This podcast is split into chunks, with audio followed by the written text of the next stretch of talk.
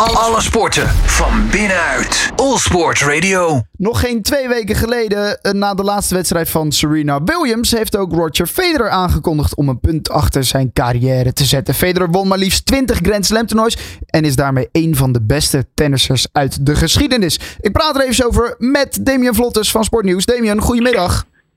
Goedemiddag. Een schok voor de tenniswereld. Ja, ja, dat kan je wel zeggen. Maar eerst eh, Serena Williams die ermee ophoudt. En nu Roger Federer. Ja, het blijft weinig hoog op deze manier.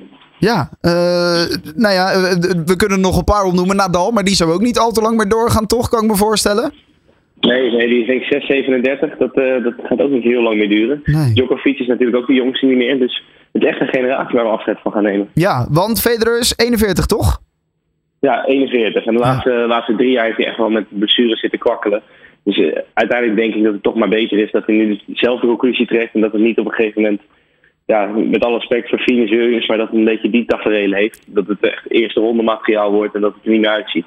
Ja, ja dat, dat is toch een iets minder eh, afscheid eh, dan Roger Federer nu op dit moment. Ehm, ja. Ja. 41, dan zit het er wel een beetje aan te komen. Was het dan toch ook wel verwacht dat, dat hij ermee zou stoppen nu?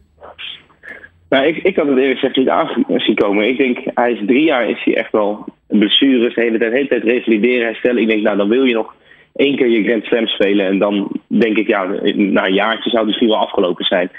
Maar ja, nu, het lichaam kan gewoon echt niet meer. En ik denk dat dat voor hem wel de grens is geweest van, ja, ik ga mijn lichaam niet verder kapot maken. Het is mooi geweest. Maar ja, het was toch, eh, toch een shock, moet ik wel zeggen. Ja. Is het eh, trouwens ook een, een per directe stop? Of gaat hij nog eh, ergens één toernooitje spelen als afscheid? Nee, hij gaat volgend weekend gaat hij de Lever Cup spelen. Dat is een toernooi tussen Europa en de rest van de wereld.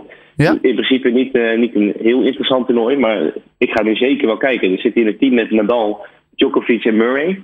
Nou, Och. die vier legendes. En dan Ja. de afscheid van Federer in Londen wordt die wedstrijd gespeeld. Dus dat wordt, een, eh, wordt denk ik wel een geweldig afscheid. Want dat zal dan zijn, eh, zijn laatste optreden zijn.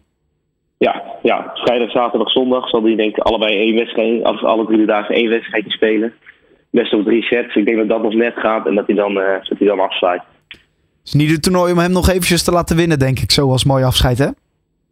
Ja, Europa heeft tot nu toe nog ongeslagen. Die hebben elke editie gewonnen. Dus ik ga ervan uit dat ze dit jaar ook gewoon wel winnen. Als je de namen hoort, Djokovic, Murray, Nadal, dan lijkt me dat dat allemaal eh, wel goed gaat komen. Oké, nou dan kunnen we hem dan nog één keertje zien eh, op, op de velden, op, op het tennisveld. Eh, en dan eh, daarnaast het afscheid nemen van Federer. Ja, en dan zullen de anderen ook ja, pijnlijk genoeg toch gaan volgen.